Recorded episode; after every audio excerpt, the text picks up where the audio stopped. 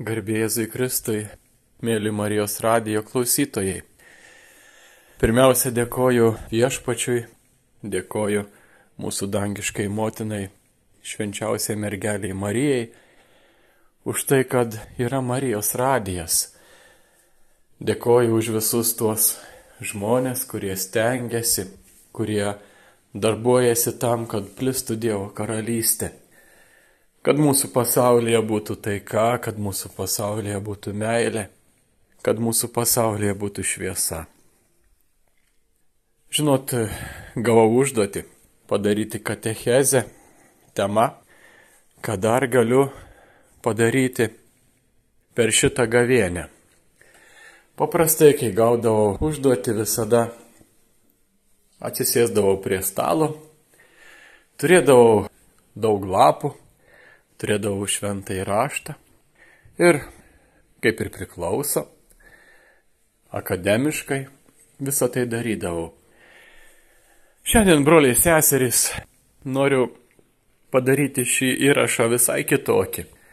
Žinot, vaikštau dabar po savo kambarį, pasiemęs telefoną, neturiu jokių užrašų, neturiu švento rašto, neturiu katekizmo ir šnekuosi su jumis dabar jau radio bangomis, bet iš tikrųjų šnekuosi taip, kaip šnekėčiaus su draugu, su pažįstamu, su artimu per telefono ragelį. Brangiai, ką aš galiu šiandien padaryti šitame gavėnios laikotarpyje? Melstis, melstis.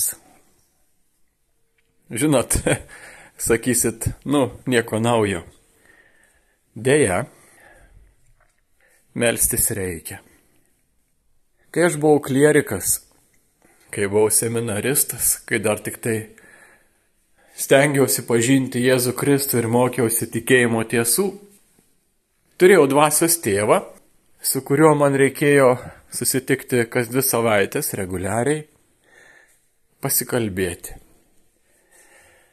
Ir aš ten jam į tuos pokalbius, į asmeninius pokalbius nuneždavau savo problemas, savo iššūkius, savo dviejonės, savo abejonės, visus tuos dalykus, kurie gyvenant iškyla.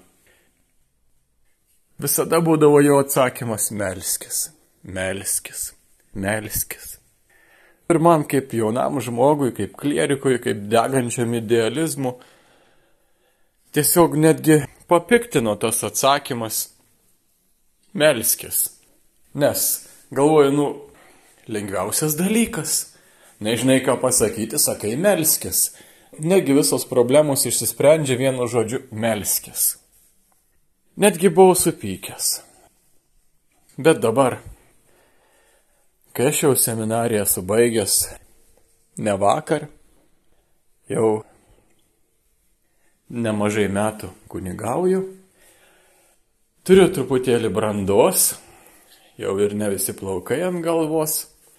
Galiu pasakyti, kad tikrai tas patarimas melistis be galo svarbus, ypatingas. Mes privalom melstis. Mes turim turėti santyki su Dievu. Jeigu mes to neturėsim, jeigu mes nesimelsim, klajosim. Klajosim patys savo, būsim patys savo gražus, bet nebūsim Dievo karalystėje. Melstis yra be galo svarbu. Ir melstis mes turim įvairiom formom. Kažkas moka melstis tik tai lūpinė malda, kaip vadinama, skaitant maldas iš maldaknygės, arba tas maldas, kurias jau mokam atmintinai, tas tradicinės, tėvė mūsų, sveika Marija, garbė Dievui tėvui, tikiu Dievo tėvą, viešpaties angelas, visas tas, kurias moka mintinai. Kai kurie meldžiasi skaitydami šventą įraštą, kai kurie meldžiasi kalbėdami šventą įrožinį, kai kurie meldžiasi skaitydami litanijų maldas. Ir visa tai yra gerai, brangiai. Svarbiausia yra melstis. Svarbiausia yra melstis. Melskime, bet ne tik tai kalbėkime malda yra dialogas. Malda yra dialogas, tai kai kalbu aš, kai kalba jis, kai klausaus aš, kai klausosi jis. Taigi, ne tik kalbėkim, bet ir klausykimės, ką Dievas mums sako. Malda yra tas meilės santykis. Malda, kai yra tas, kuris myli tobulai, tai yra Dievas, ir tas, kuris stengiasi išmokti mylėti. Tai esu aš, žmogus. Ir tam santykėje susitinkam mes. Dievas ir žmogus. Mylintis tobulai ir besistengiantis mylėti. Besistengiantis išmokti mylėti. Malda yra be galo reikalinga mūsų pasaulyje. Malda yra tas varomasis arkliukas. Ir jeigu manęs kas nors klausia, ką aš galiu padaryti, kad būtų šitam pasaulyje taika, kad būtų meilė, kad būtų šviesa, kad būtų gėris, šiandien atsakyčiau taip, kaip man sakydavo mano dvasios tėvas - Melskis. Be galo svarbus dalykas. O, turime tą įvykį - karą Ukrainoje. 1917 metais Fatimoje apsireiškė švenčiausia mergelė Marija trims vaikučiams, trims piemenėlėms Vienam iš jų dešimt metų, kitam devyni, o kitam septyni metukai. Ko švenčiausia mergelė Marija, ko Dievo motina prašė? Prašė maldos. Ir prašė melstis už Rusiją. Melstis už Rusiją, nes ten siautėja piktasis. Prašė melstis už atsivertimą, melstis už taiką. O, nežinau, kiek mes, kiek mes meldėmės, ar mes ją išgirdom. Šiandien žiūrinti tuos pasaulio įvykius, atrodo, kad mes nesimeldėm, atrodo, kad mes neišgirdom. Broliai seserys, ar visi žinot, kas yra pirmieji mėnesio šeštadieniai? Melsis švenčiausi mergelį Mariją. O Marija to prašė mūsų, kad užlaikytume pirmosius mėnesio šeštadienis. Čia tarp skliaustelių. Čia ne į temą. Bet ką noriu pasakyti. Dabar gavienios laikas. Dabar yra tas momentas, kada mes žmonės galim daryti atgailą. O Dievas žmonių atgailą visada išgirzdavo. Visada matydavo, visada priimdavo. Pažiūrėkim Senąjį testamentą, pažiūrėkim Naująjį testamentą kada žmogus atgailauja, kada žmogaus širdis yra sugrūdusi, kada žmogaus širdis yra nuolanki, Dievas tą širdį visada mato, girdi, priima, išklauso. Gavienės laikas. Būtent yra tas laikas, kada mes kreipiamės į Dievą, kada mes nuolankia širdim atsiprašom už visus savo nusižengimus kada mes sakom, Dieve, padėk. Dieve, padėk man gyventi taip, kaip aš turiu gyventi. Dieve, padėk man būti tokiu laimingu, kad tu tam danguje, matydamas mane, iš viršaus galėtum džiaugtis, nes aš laimingas, nes Dievas žmogų tam ir sukūrė.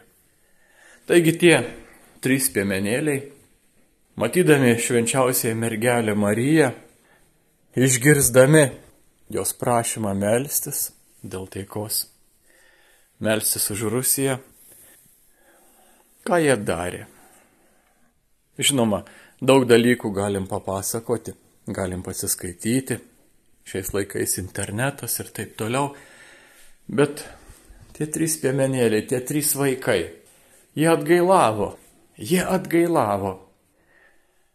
Ir pavyzdžiui, buvo susigalvoję tokią dalyką, kad nevalgyti, kol yra šviesu. Niekas iš mūsų neprašo tokių sunkių dalykų. Gavienės laikotarpyje esame raginami tik tai penktadieniais pasninkauti. Susilaikyti galbūt nuo mėsiškų dalykų arba nuo tų dalykų, kurie mums labai patinka, kad išsiugdyti valią, kad išsiugdyti stiprumą. Ir štai tie vaikai atgailaudami persirašo savo juosmenis tokia virve, kuri buvo kandi, kuri buvo nešvelni, kuri buvo skaudi. Už atgailą. Jūs man pasakykit, dešimties, devinių, septynių metukų vaikai, kokias jie savo nuodėmės turėjo kad jiems reikėtų taip smarkiai atgailauti. Neturėjo. Bet jie štai už atgailą persirišę tas virves, negali net pamiegoti naktį, nes skauda, nepatogu.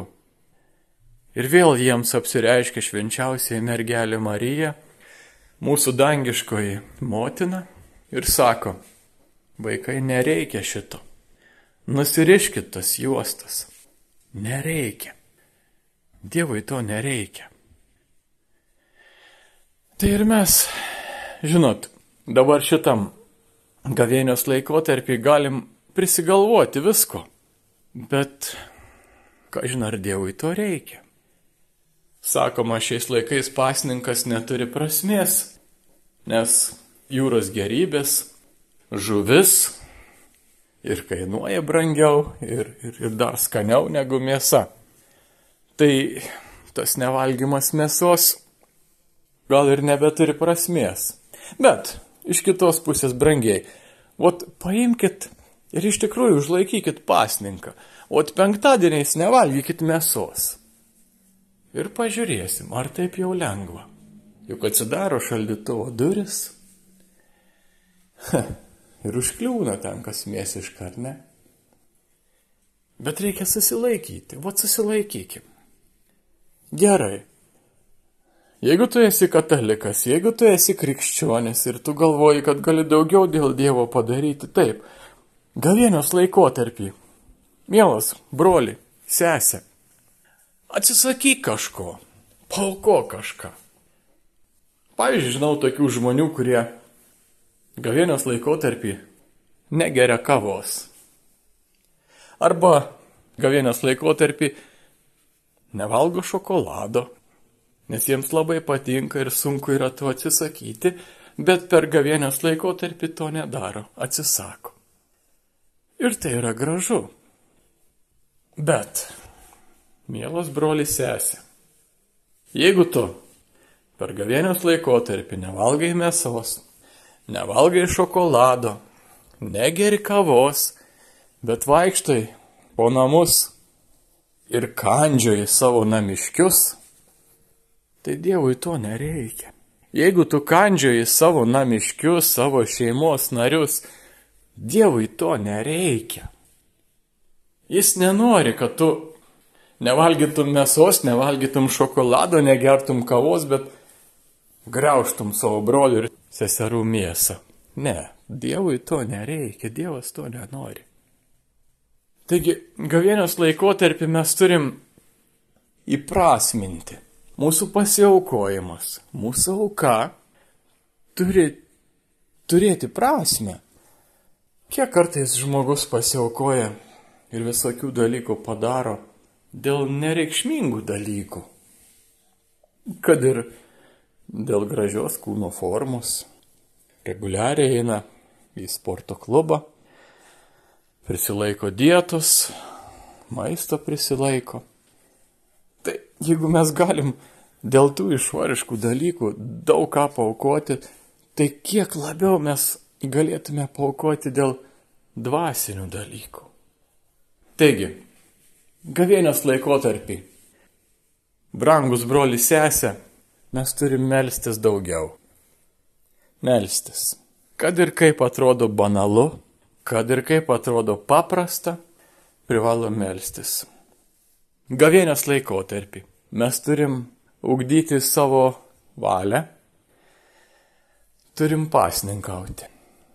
Taip, bet pasninkauti ne taip, kad galėtume trimituoti, kaip šventasis raštas sako apie fariziejus tie, kurie pasninkauja, trimituoja, kad visi matytų. Ne, turim pasninkauti taip, kad neskaudėtų mūsų šeimos nariams, kad neskaudėtų mūsų artimiesiems, bet kad tas mūsų pasninkas skelbtų džiaugsmą, skelbtų ramybę, skelbtų taiką, susivienijimą. Aš tai, žinot ką pasakyčiau, Gavienės laikotarpis ir mano pasninkas turėtų būti toks intensyvus, kad kai jis baigsis, mano šeimos narys, mano brolis, mano sesė galėtų sakyti, ar galim pratesti tą gavienės laikotarpį. Man patiko. Man patiko ta atmosfera, kuri buvo sukurta. Taigi, mes turim taip aukotis, kad nebūtų niekinis mūsų pasiaukojimas, bet kad tas pasiaukojimas keltų džiugesi, keltų džiaugsmą mūsų artimiesiems. Kad jie pamatę mūsų pasninką galėtų sakyti, tikiu, kad yra Dievas. Tikiu, kad čia viešpatauja Dievo karalystė. Be galo svarbu. Nes kitaip pasikartosiu. Jeigu aš negeriu kavos, jeigu aš nevalgau šokolado, jeigu aš nevalgau mėsos, bet esu suirzęs, surūgęs, piktas.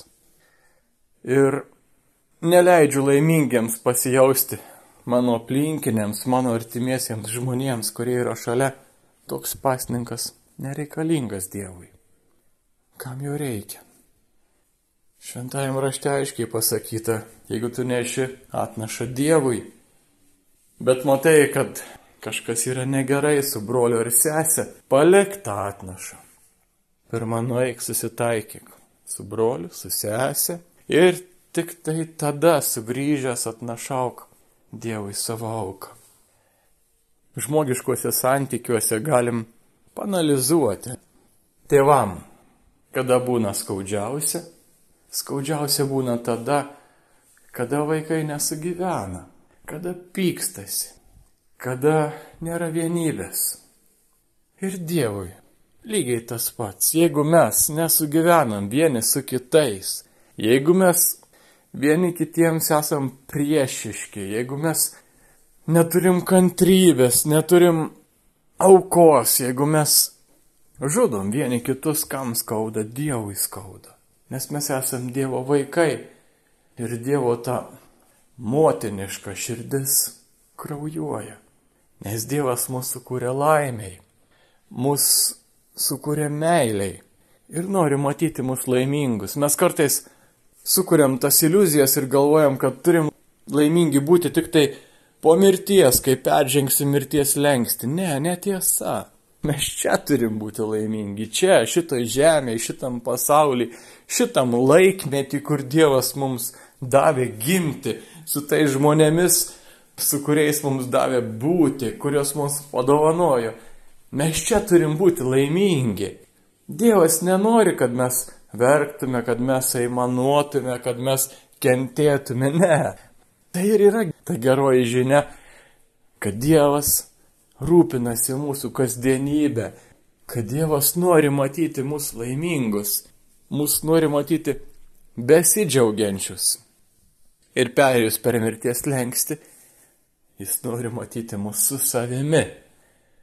Taip kaip bet koks tėtis ar mama nori turėti savo vaikus su savimi. Taip ir Dievas nori matyti mus laimingus. Ir mes laimingi galim būti tik tai tada, kada esame vienybėje su Dievu, kada esame tam ryšyje su Dievu.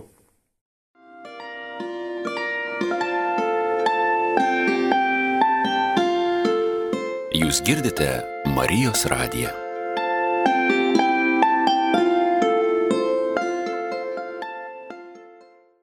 Žinot, šį kartą įrašą darau netradiciniu būdu, nesėdžiu prie stalelio, vaikštau, kaip ir sakiau, po savo kambarį ir šnekuosi, mielas broliai sesė, radio klausytojau, su tavim kaip su draugu, telefonu nes įrašą darau į telefoną.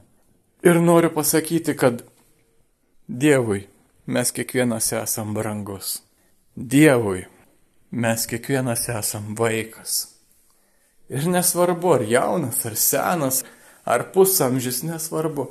Dievui mes kiekvienas esam vaikas. Kai aš ėjau prie pirmos komunijos, kai ėjau prie sutvirtinimo sakramento, dirmavonės, taip vadinamus liaudiškai, man buvo mokama, kad Dievas yra teisingas, už gerą atlygina, už blogą baudžią. Ir Dievas man buvo pristatomas kaip tas, kuris yra baudėjas. Brolis sesė. Dievas nėra baudėjas, Dievas nėra teisėjas, Dievas yra mylintis tėvas. Jėzus Kristus sako, kai melžiatės, kreipkitės į Dievą Abba, tėvelį, tėvę. Taigi Dievas yra mūsų tėvas. Ir jis myli mus ne dėl to, kad mes esam kažkur tai labai gabus, kad mūsų kažkokios charakterio savybės yra aukščiau už visus kitus, ar mes kažkokių labai daug gerų darbų pridarėm. Ne. Dievas mus myli dėl to, kad jis yra mūsų tėvas. Dėl to mes esam jo vaikai ir dėl to jis mus myli. Ir kai aš esu suklupęs, ir kai aš esu nuodėmingas, ir kai aš esu padaręs kažką negero, aš visada galiu kreiptis į tėvą, kuris mane pakels, kuris mane nuvalys, kuris nuramins mano sąžinę, kuris man duos naują pradžią. Gavienė. Gavienė yra tas laikotarpis, kada aš turėčiau iš naujo išgyventi savo asmeninį santykį su Dievu. Ir tas asmeninis santykis su Dievu turėtų mane įvesti į atgailą. Pirmiausia, pirmiausia į atgailą, o tai reiškia į išpažinti. Ką aš galiu padaryti per gavėnios laikotarpį, mielas brolis sesė, tai yra išpažintis. Tai yra atgailos sakramentas. Žinot, nėra lengvas dalykas. Aš kaip kunigas atgailos sakramentų naudojos reguliariai. Ir man nėra lengva. Ir man yra sunku, taip kaip ir jums visiems. Brangieji, yra sunku ateiti pas kunigą ir pasakyti, ką aš padariau negerai. Juk daug lengviau būtų pasigirti kokiais nors gerais darbais. Ne, be galo sunku yra. Bet Jeigu Jėzus Kristus to norėjo, jeigu jis įsteigė atgailos sakramentą ir jis sako, kad per kunigo rankas yra atleidžiamas mano nuodėmės, aš juo pasitikiu, aš pasitikiu viešpačiu, aš pasitikiu tuo kunigu, kuriam galiu išpažinti savo nuodėmės ir aš einu pas jį su nusižeminimu ir sakau viešpatį atleisk. Šventasis Pranciškus Asižėtis kuris turėjo stigmą savo rankose, savo kojose, kurio šventumu niekas nebejoja, atėjo vieną kartą į tokį miestelį, kur žmonės buvo nepatenkinti savo kunigu, savo klebonu. Ir jie bet kaip blogai apie savo kunigą kalbėjo. Ir norėjau pamatyti, kokia bus reakcija šventojo, šventojo pranciškaus asižiečio. Ir šitas šventasis, kada susitiko su tuo kunigu, ką jis padarė, jis atsiklaupė ir pabučiavo jam koją. Ir visiems tiems miestelėnams pasakė, kad ir kai būtų, jūsų miestelėje tai yra tas žmogus, kuris Dievo vardu gali atleisti jums nuodėmės.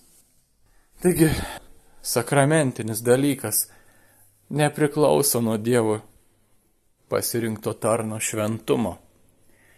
Ačiū Dievui. Ačiū Dievui už tai, kad Jis naudojasi mumis netobulais įrankiais. Jeigu Dievo atlaidumas priklausytų nuo kunigo šventumo, jūs patys brangiai labai gerai suprantat, būtų sunkus dalykas. Kunigas irgi yra klystantis, yra silpnas žmogus. Kunigas irgi eina iš pažinties. Bet išpažintis yra labai svarbus dalykas. Jėzus Kristus sako, ką atrišite žemėje bus atrišta ir danguje, ką surišite žemėje bus surišta ir danguje. Taigi jis paliko tą galę bažnyčios atstovams surišti arba atrišti. Kartais skaudu būna man, esant kunigui ir tarnaujant Dievui, tarnaujant žmonėms, būnant klausyklai, kartais būna be galo skaudu. Kada ateina žmogus, tokiu atveju dažniausiai labai ilgą laiką, nebuvęs iš pažinties, Sako, nieko nepadariau. Nu, kunigėlį, nieko nepadariau. Nieko nenužudžiau. Nu, ačiū Dievui, nieko nenužudėjai. Bet juk Dievo įsakymų yra daugiau negu vienas. Jeigu mes ilgą laiką neinam iš pažinties, jeigu mes nesigailim dėl savo suklydimų, galiausiai mūsų sąžinė sustabarėja mūsų sąžinė sustandėja ir mes nebematom netgi nuodėmių, kurias padarom. Arba kai kurias nuodėmės netgi nebelaikom už nuodėmės. Klaidom mažom klaidelėm ar dar kažkom. Bet Dievas ko nori iš mūsų? Kad mūsų širdis būtų ne akmeninė, kad būtų žmogiška, kad būtų tikra širdis Dievui akmeninė širdis nepatinka. Dievui akmeninė širdis yra nepriimtina. Tad brangiai, iš tikrųjų gavienės laikotarpį, ką mes galim padaryti daugiau, žinot, pirmiausia, aš taip ir pasakysiu. Galim atlikti išpažinti. Bažnyčios įsakymuose yra pasakyta bent apie Velykas, atlik išpažinti ir priimk švenčiausiai sakramentą. Dabar jūs klausotės šitos laidos, šito įrašo. Pridėkit ranką prie širdies. Mielas, brangus, brolis sesė. Jeigu dabar tavęs paklausčiau, ar tu žinai visus Dievo įsakymus, ar galėtum juos išvardinti va taip nuo pirmo iki dešimto? Kaip kažkada mažiukas ruošiais pirmai komunijai ir juos turėjai išmokti. Ar žinai Dievo įsakymus? Ir aš manau, kad dabar visi besiklausantys šito įrašo, ne visi galėtumėte išvardinti Dievo įsakymus. Dar labiau, jeigu paklausčiau, o bažnyčios įsakymus, brolis esi žinai, penkis. Dievo įsakymų yra dešimt, bažnyčios įsakymų yra penki. Ar žinai, Gal dabar turėčiau aš juos paimti ir paskaityti. Bet tegul bus tai gavienės užduotis. Mielas brangus brolis sesė, atsiversk internetą, atsiversk maldaknygę ir pasižiūrėk. Tegul bus šitos gavienės užduotis. Pasižiūrėti Dievo įsakymus, pasižiūrėti bažnyčios įsakymus. Tai nėra mano priekaištas Tai yra mano skausmas. Man, būnant kunigui klausykloje, labai dažnai skauda. Skauda, kada žmogus tarsi ateina atsiprašyti Dievo, bet sako, nežinau už ką, nieko nepadariau, kunigėlį nieko nenužudžiau. Blogai, kada žmogus nemato savo klaidų. Nes jeigu mes nematom savo klaidų, mes negalim pasitaisyti. Mes nežinom iš ko pasitaisyti. Mes nežinom, kaip taisytis ir tapti geresniais. Mano paraginimas šitam gavienios laikotarpyje atlikti, nuoširdžiai išpažinti. Žinot, jau ta kelionė prieiti prie klausyklos yra pagrindinė. Kai prieinam prie klausyklos, jau yra viskas padaryta. Jau prie klausyklos prieėję, Mes tik tai pasisemiam Dievo meilę ir Dievo gailestingumą.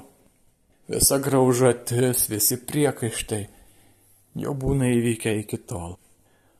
Dievo gailestingumas yra beribis ir Dievui niekada nepritrūks meilės žmogui, gailestingumo žmogui, malonės žmogui. Tik tai mes nepavarkim atsiprašyti. Kad ir kiek kartų sukluptume, eikim ir atsiprašykim. Dieve, būk mums pagailestingas, mes norim būti tavo karalystė. O Dievo meilė viską nugalės, viską. Tačiau tam gavėnios laikotarpį, brangieji, ką mes galim padaryti? Prieiti iš pažinties. O Dievas mūsų sąžinės priekaištus iš mūsų paims, prikals prie kryžiaus ir sugražins mums tik tai savo palaiminimais ir savo malonėmis. Tegul bus šis gavėnios laikotarpis mūsų atsivertimo laikotarpis. Tapkim truputėlį geresniais, tapkim truputėlį šventesniais, tapkim truputėlį atlaidesniais. Būkim tais, pro kuriuos eina Dievo meilė, Dievo atlaidumas, Dievo karalystė. Tegul bus šis gavėnios laikotarpis intensyvus, kad kiekvienas žmogus, kuris susitiks su mumis, susidurs su mumis, pabūs su mumis, pajustų Dievo meilę, Dievo globą, Dievo palaimą per mus, kad sugebėtume padaryti Dievo karalystę čia, jau dabar čia, šitoje žemėje, šitame laikotarpyje, šituo istoriniu įvykiu. Net jeigu šalia mūsų vyksta karas, mes galim daug ką pakeisti. Ir vėl sugrįšiu prie to paties dalyko, mes galim pakeisti per maldą. Kartais vaikščiojant po kapines būna įdomu paklausyti, paskaityti, kas yra užrašyta ant antkapių. Ant vieno antkapio užrašyta. Norėjau pakeisti visą pasaulį. Bėgant laikui supratau, kad pasaulio pakeisti negaliu. Tada nusprendžiau, kad užteks pakeisti savo šalį. Bėgant laikui supratau, kad ir savo šalies pakeisti negaliu. Dar praėjus kiek laikui nusprendžiau, kad galiu pakeisti savo miestą. Praėjo laikas ir supratau, kad savo miesto pakeisti irgi negaliu. Tada, bėgant laikui, nusprendžiau, kad reikia pakeisti bent jau savo šeimą. Laikas bėga ir suprantu, kad ir savo šeimos pakeisti negaliu. Galiausiai į gyvenimo pabaigą supratau, kad reikėjo pasikeisti pačiam savo. Jeigu būčiau pakeitęs save, būčiau galėjęs pakeisti savo šeimą, būčiau galėjęs pakeisti savo miestą, būčiau galėjęs pakeisti savo šalį ir visą pasaulį. Brangieji, taika, ramybė, džiaugsmas turi būti pirmiausia mūsų viduje. Ir tik tai tada mes galėsim pakeisti savo šeimas, savo miestus, savo šalį ir visą pasaulį.